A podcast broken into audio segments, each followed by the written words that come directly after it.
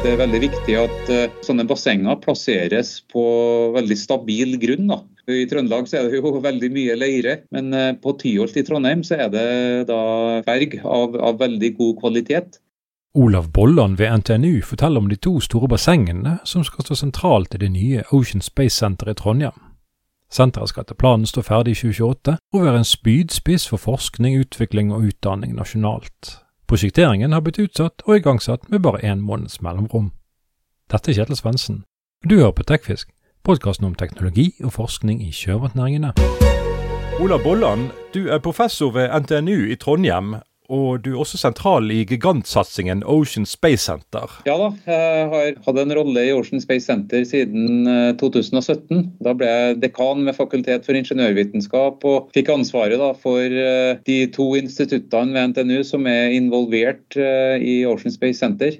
Så jeg har engasjert meg mye i, den, eh, i, det prosjektet nå. og eh, Det er også slik at jeg er leder av en styringsgruppe som NTNU og Sintef har sammen eh, for Ocean Space Center. Og Dere kom akkurat inn igjen på regjeringen sine budsjetter. Gratulerer. Ja, takk, takk for det.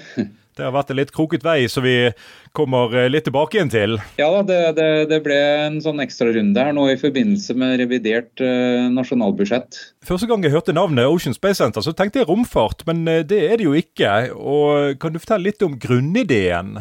Ja, altså Ideen om Ocean Space Center kom uh, så tidlig som i 2005. Man innså jo den gangen også at man uh, har laboratorier altså bassenger og, og, andre typer laboratorier innenfor uh, maritim forskning og utdanning som begynte å bli utdatert. og Da, da ble det iverksatt uh, noen ideer om å prøve å kombinere nye laboratorier med besøkssenter. Og det å ha noe sånn spektakulært å vise frem i, i, i Trondheim. slik at Den gangen så ble det eh, Snøhetta ble involvert i det å lage tegninger og planer for et sånt eh, Eh, havforskningssenter da, eh, ved Trondheim havn og delvis ute i, i Trondheimsfjorden.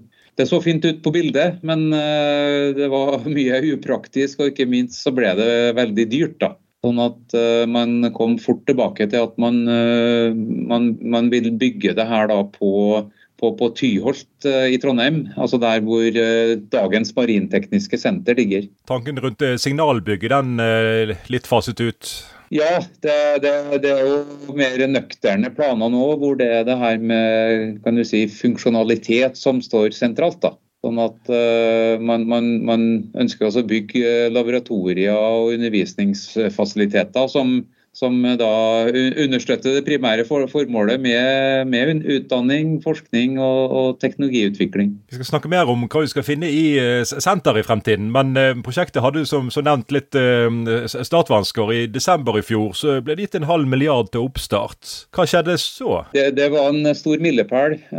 Startbudsjett i, i, i Stortinget i desember 2021 det var jo på en måte en slags kulminering av, av en lengre prosess. da, eh, Hvor vi har gått gjennom de ulike fasene som, som kreves for store offentlige utbyggingsprosjekter. Eh, jeg kom inn i det her i, i 2017, og, og eh, det, det, var på en måte da vi Eh, ja, endra utbyggingskonseptet en del. Uh, en ting vi gjorde var jo å, å ikke bare skulle bygge laboratorier på Tyholt i Trondheim, men vi også utvida uh, utbyggingsprosjektet med noe som heter for Fjordlab. Dvs. Si at vi, vi, vil også ha laboratorier ute i sjøen.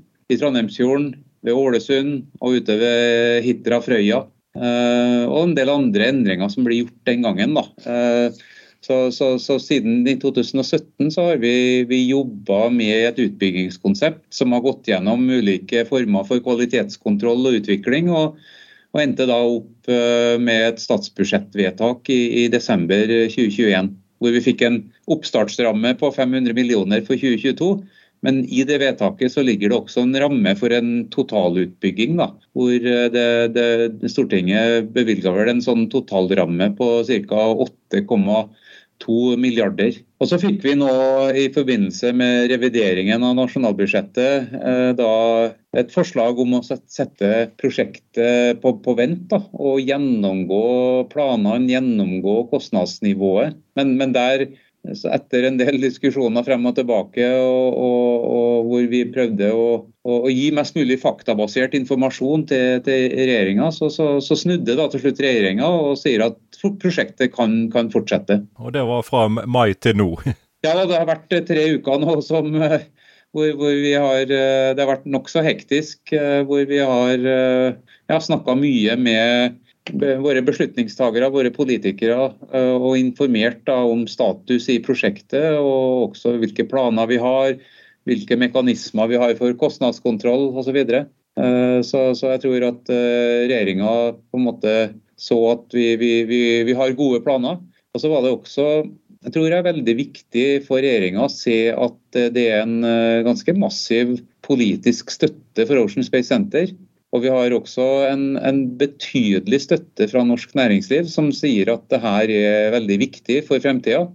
Eh, og så fikk vi også et sånt, eh, hva skal man kalle det, et ordføreropprør. Hvor 30 eh, ordførere, inkludert to fylkesordførere, skriver et brev til regjeringa og, og, ber de om å gjennomføre Ocean Space Center-prosjektet.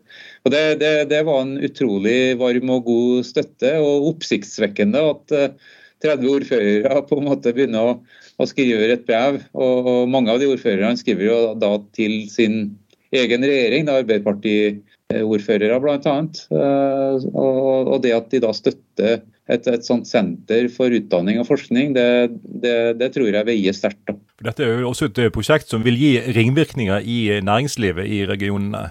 Ja, det, altså det, det også, altså vi, En ting er at vi utdanner kandidater som kan gå ut i næringslivet. og så er det også sånn at Vi, vi bidrar med både altså forskning og teknologiutvikling gjennom testing av konkrete produkter.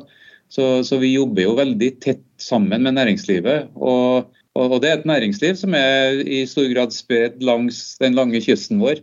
Så jeg har vel sagt det noen ganger at eh, Ocean Space Center det er god distriktspolitikk. Føler du at eh, prosjektet nå er trygt frem mot havn? Nei, Man kan aldri være 100% sikker. Eh, jeg forstår regjeringa veldig godt at de nå har et, et øye på de, de store offentlige utbyggingsprosjektene. og med en historikk hvor det har vært en del overskridelser og prosjekter som har kommet ut av kontroll.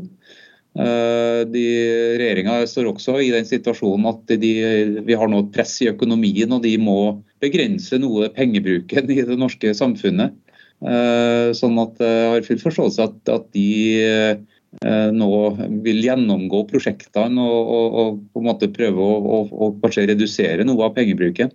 Men samtidig så er det også slik at Eh, de bør på en måte la eh, gode prosjekter og prosjekter som har kommet i gang, at, eh, at det, det, det, er også en betydelig kostnad med å stoppe og starte sånne prosjekter, sånn som Ocean Space Center.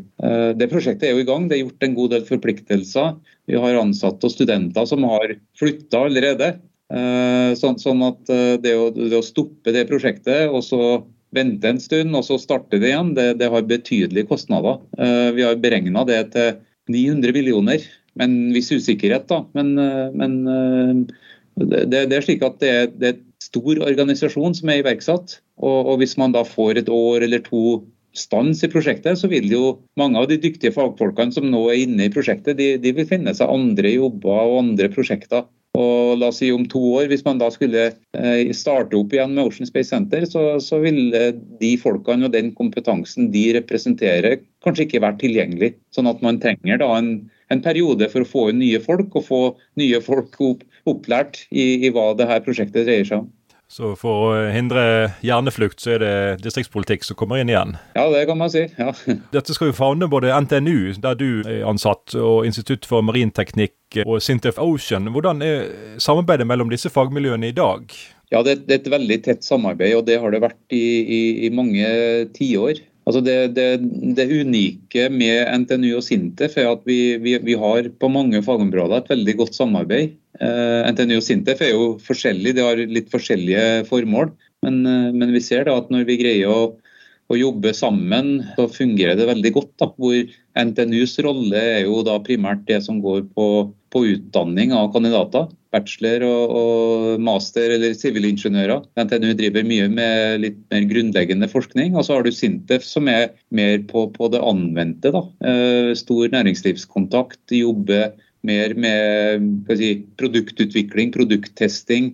Eh, men også forskning, så det er noe overlapp. Men vi er forskjellige, og den på en måte summen av NTNU og Sintef gjør at du du, du får et eh, veldig sterkt og godt fagmiljø. Da. Og det, det, ser vi innenfor det marintekniske området, som vi ser også innenfor en del andre områder hvor Sintef og NTNU jobber godt sammen. Men det er, det i NTNU som skal ha eierskap? Ja, det, det, det er slik at uh, eh, NTNU vil forvalte Ocean Space Center på vegne av staten, eller kall det å eie anlegget. Og så er det slik at uh, Sintef da vil være både leietaker i deler av anlegget, men også operatør. Dvs. Si at de får driftsansvaret for deler av, av, anlegget. Sentralt i mange store budsjetter så står jo det grønne skiftet. og eh, dere er definitivt ikke noe unntak der. og Du har jo en eh, viss forhistorie der. Du er, så vidt jeg leser meg til, nobelprisvinner. Ja, ja jeg jobba for eh, FNs klimapanel, og jeg var med i det arbeidet som,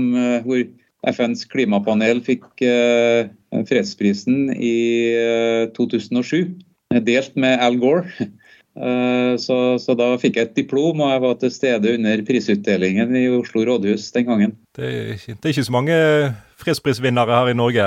Nei. Men igjen, det, det, grønne skiftet, hva innebærer det for dette prosjektet? Hvor sentralt står det? Ja, det, det, det er jo veldig viktig det vi skal jobbe med fremover nå. Eh, så, så hvis, hvis, vi ser litt bakover, så har jo altså, marintekniske forskninga som, som, NTNU og Sintef eh, har drevet med, så, så har det vært retta mot altså generell skipsfart. Og, og, når oljealderen kom rundt 1970, så har det jo vært veldig betydelige bidrag det, fra det her fagmiljøet eh, inn mot norsk olje- og gassvirksomhet. Og vi har fortsatt en god del jobbing mot norsk olje- og gassvirksomhet, men mengden av aktivitet innenfor olje og gass synker. Sånn at eh, Hvis vi ser på det store havbassenget vi har på Tyholt i dag, som for en del år tilbake var veldig mye basert på aktiviteter knytta til olje og gass, så er det nå i dag en markedsandel for olje og gass på, på kanskje 20 og så er det andre aktiviteter som har kommet inn og, og tatt over. Og Der er det sånn som fiskeoppdrett. Ganske mye aktivitet på sånne store fiskemerder som testes.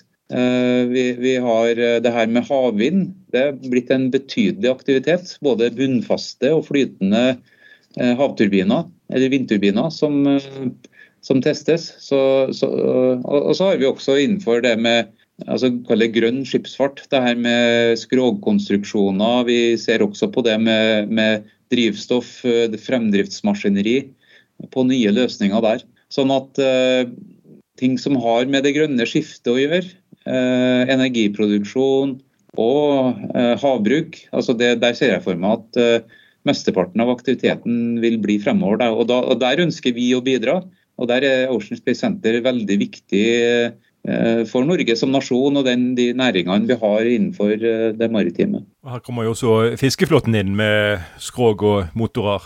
Ja da, det, det, er en, det, er en, stor fiskeflåte. Eh, på samme måte som det, det er ferger og det er supply-båter for olje og gass. Så det, er mye sånn, eh, kall det spesialskip. Hvor, hvor, det fremover vil, vil settes eh, betydelig strengere krav da, til det her med miljøfotavtrykk, eh, klimagassutslipp. Sånn at eh, hvis vi skal følge opp de intensjonene som nå ligger i det å redusere betydelig Norges klimagassutslipp, så, så, må det skje ganske mye teknologiendringer. Og, og, og, det er mye investeringer og, og, endringer som må skje i de ulike bransjene, da. sånn som innen fiskeri f.eks. Dette er jo en vesentlig oppgradering av både samarbeid og uh, fasiliteter.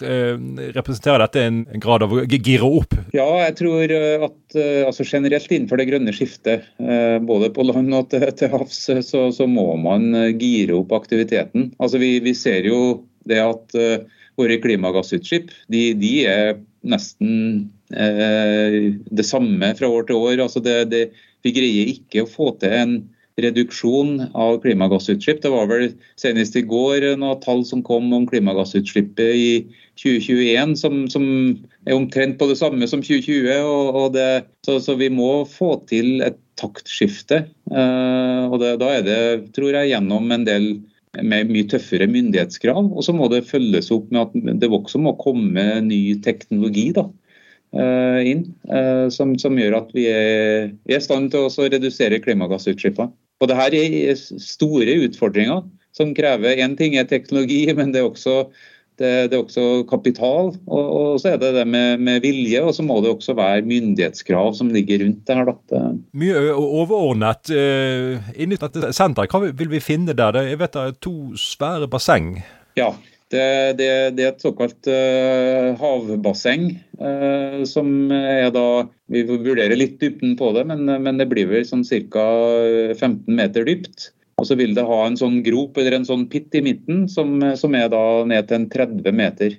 Dette er jo et basseng som vil utstyres med et såkalt strømningsanlegg, sånn at det, det simuleres det å ha havstrøm da, i, i, bassenget. Så det er enorme mengder vann som skal sirkuleres for å få til denne havstrømmen. Så Det er nå én av to bassenger. Det, det er sånn ca. 50 ganger 60 meter i, i flate.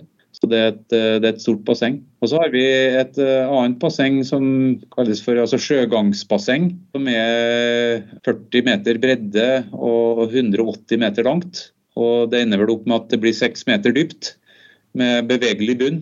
Eh, og der er det slik at vi, vi, vi har en på tvers da, det, på, på, de 40 meterne i bredden da, så er det en sånn svær vogn som skal da trekke frem og tilbake f.eks. skip eller, eller andre ting som vi ønsker å teste da, i bevegelse i vannet. Eh, alle de her bassengene, eh, altså Begge bassengene har jo avanserte bølgemaskiner. Eh, og det, er en litt sånn komplisert teknologi. og Det å lage bølger med god nok kvalitet, som blir på en måte en helt annen verden enn bølger som lages i et badeanlegg. Sånn at i, i de bassengene så vil det være både bølgemaskiner på flere av sidene, og, og, også da strender. sånn at eh, det også å simulere at det går bølger opp på land, eh, ved også forme det. Hva eh, simulerer dere der? Det er sikkert en del som lurer på dette. her, for Det er vel snakk om både hundreårsbølger, det er snakk om eh, skrog gjennom vann, og det er sikkert snakk om noe oljesøl også?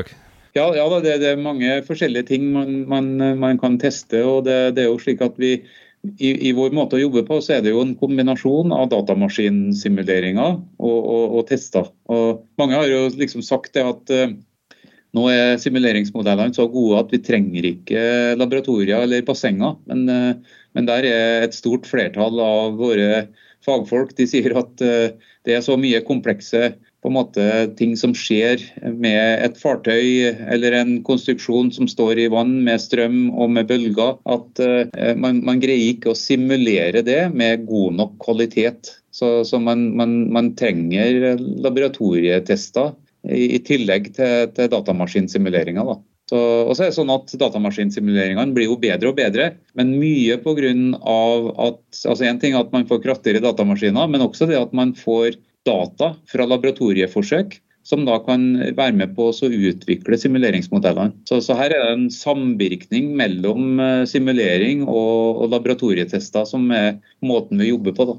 Ja, og tilgang til bedre måleutstyr? Ja, det, det, skjer en utvikling der også. At eh, du, du kan måle mer og mer detaljert og, og, og i større grad eh, med tidsoppløsning. Da. Så Det, det er også en, en, viktig del av eh, diskusjonen her. altså det, Hvordan sånne måleinstrumenter påvirkes. Det er veldig viktig at sånne bassenger plasseres på veldig stabil grunn. da.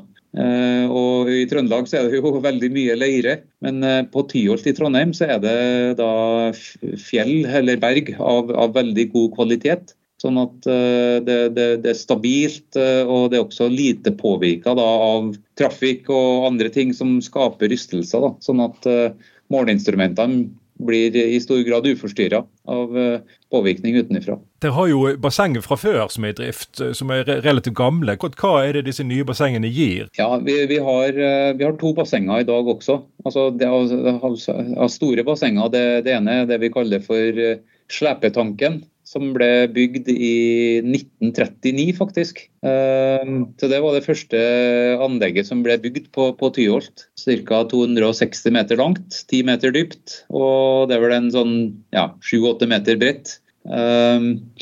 Det, det, er nå veldig forelda. Det er en del problemer med lekkasje. Og, og det er også eh, for smalt. Og, og, vi har ikke muligheter til å lage eh, bølger annet enn på langs av den renna. Eh, I det nye bassenget så vil vi få bølger også på tvers. da.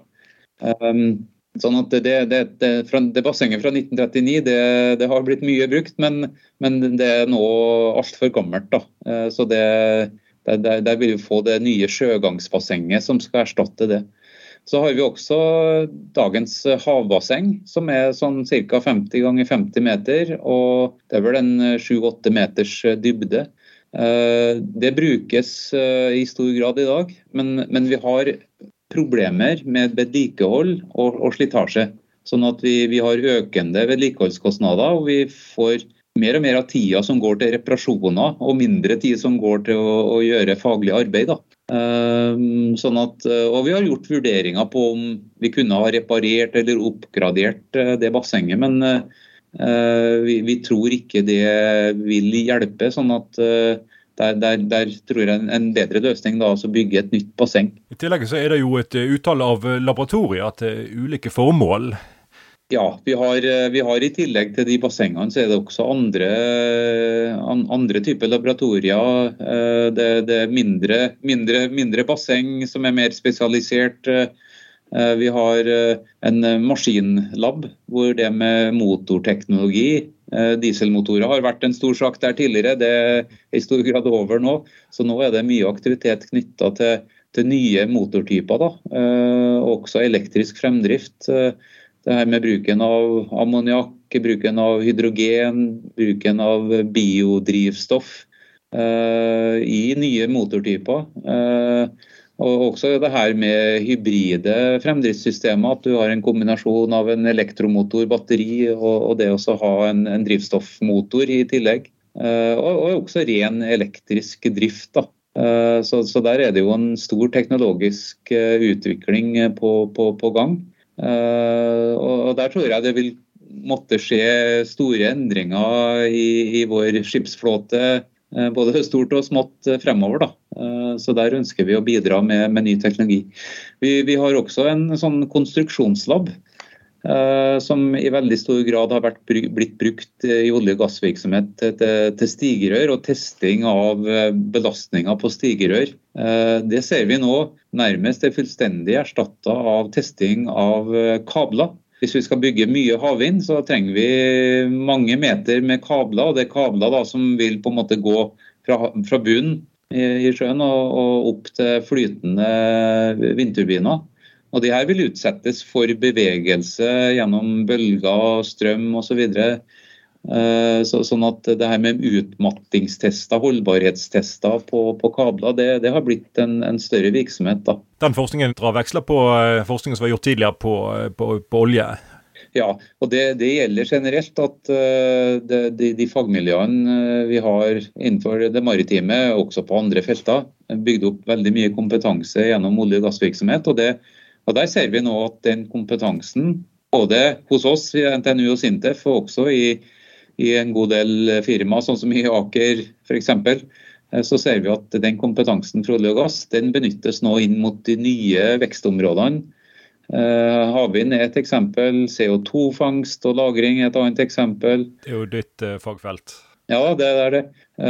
Så F.eks. det med konstruksjon av store havmerder Eh, så, så, er det i veldig stor grad kompetanse som kommer direkte fra olje- og gassvirksomhet. Eh, og Det samme gjelder også eh, det her med store havturbiner. Ikke minst hvordan de her nå skal utplasseres, det å lage skip som kan sette de opp til vedlikeholdssystemer og sånt. Så, så, ser vi at det er veldig nyttig å, å ha fagkompetanse fra olje og gass som kan benyttes inn mot de nye vekstområdene. Jeg leste også at dere har en Kavitasjonstunnel, det må du forklare litt rundt? Ja, En kavitasjonstunnel jo, altså, brukes jo primært til å teste, teste, propeller. Det er jo slik at Når en propell går rundt i, i, i vann, så, så det, blir det en stor hastighetsforskjell mellom propellen og, og vannet. Eh, og Der eh, er det en tendens til at det danner seg noen sånne dampbobler som gjør at du, du, får litt sånn slagbelastning på propellen. Altså det, det, med dannelse av sånne dampbobler er det som man kaller kavitasjon.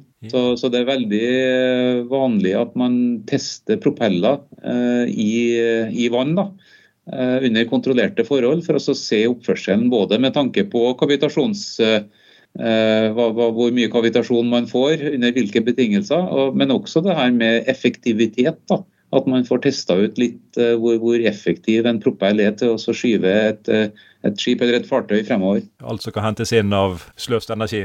Det, det, er det. Så den kavitasjonstunnelen den, den finnes jo, så den, den vil bli bevart og, og, og, bli brukt som en del av Ocean Space Center da, fremover. Samtidig så skal dere jo utdanne nye folk til egne rekker. Ja, det, det, er jo kanskje den aller viktigste leveransen som eh, vi har. Det, er det å utdanne folk som eh, kan gå ut i næringsliv og også i offentlig forvaltning og jobbe med, med, med temaer knytta til det vi snakker om nå. Eh, det å ha ingeniører, sivilingeniører som kan bidra i norsk næringsliv, vil jo være helt avgjørende og det, det, det også, Den leveransen av kandidater er faktisk den største verdiskapninga som vi har fra NTNU. Eh, som Den overgår langt det vi gjør av, av forskning og bidrag til teknologiutvikling. Så, så det menneskeaspektet her er, er veldig viktig. da. Eh. Dette nye senteret skal jo tekkes både kommersiell forskning og, og, og utdanning, og det, det er ikke helt eh, friksjonsfritt, skjønner jeg?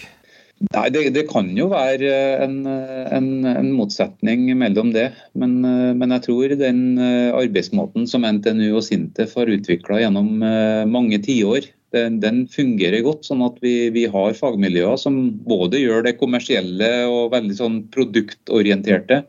Eh, til, til, det mer grunnleggende og, og det, det, det, som går på utdanning. Da.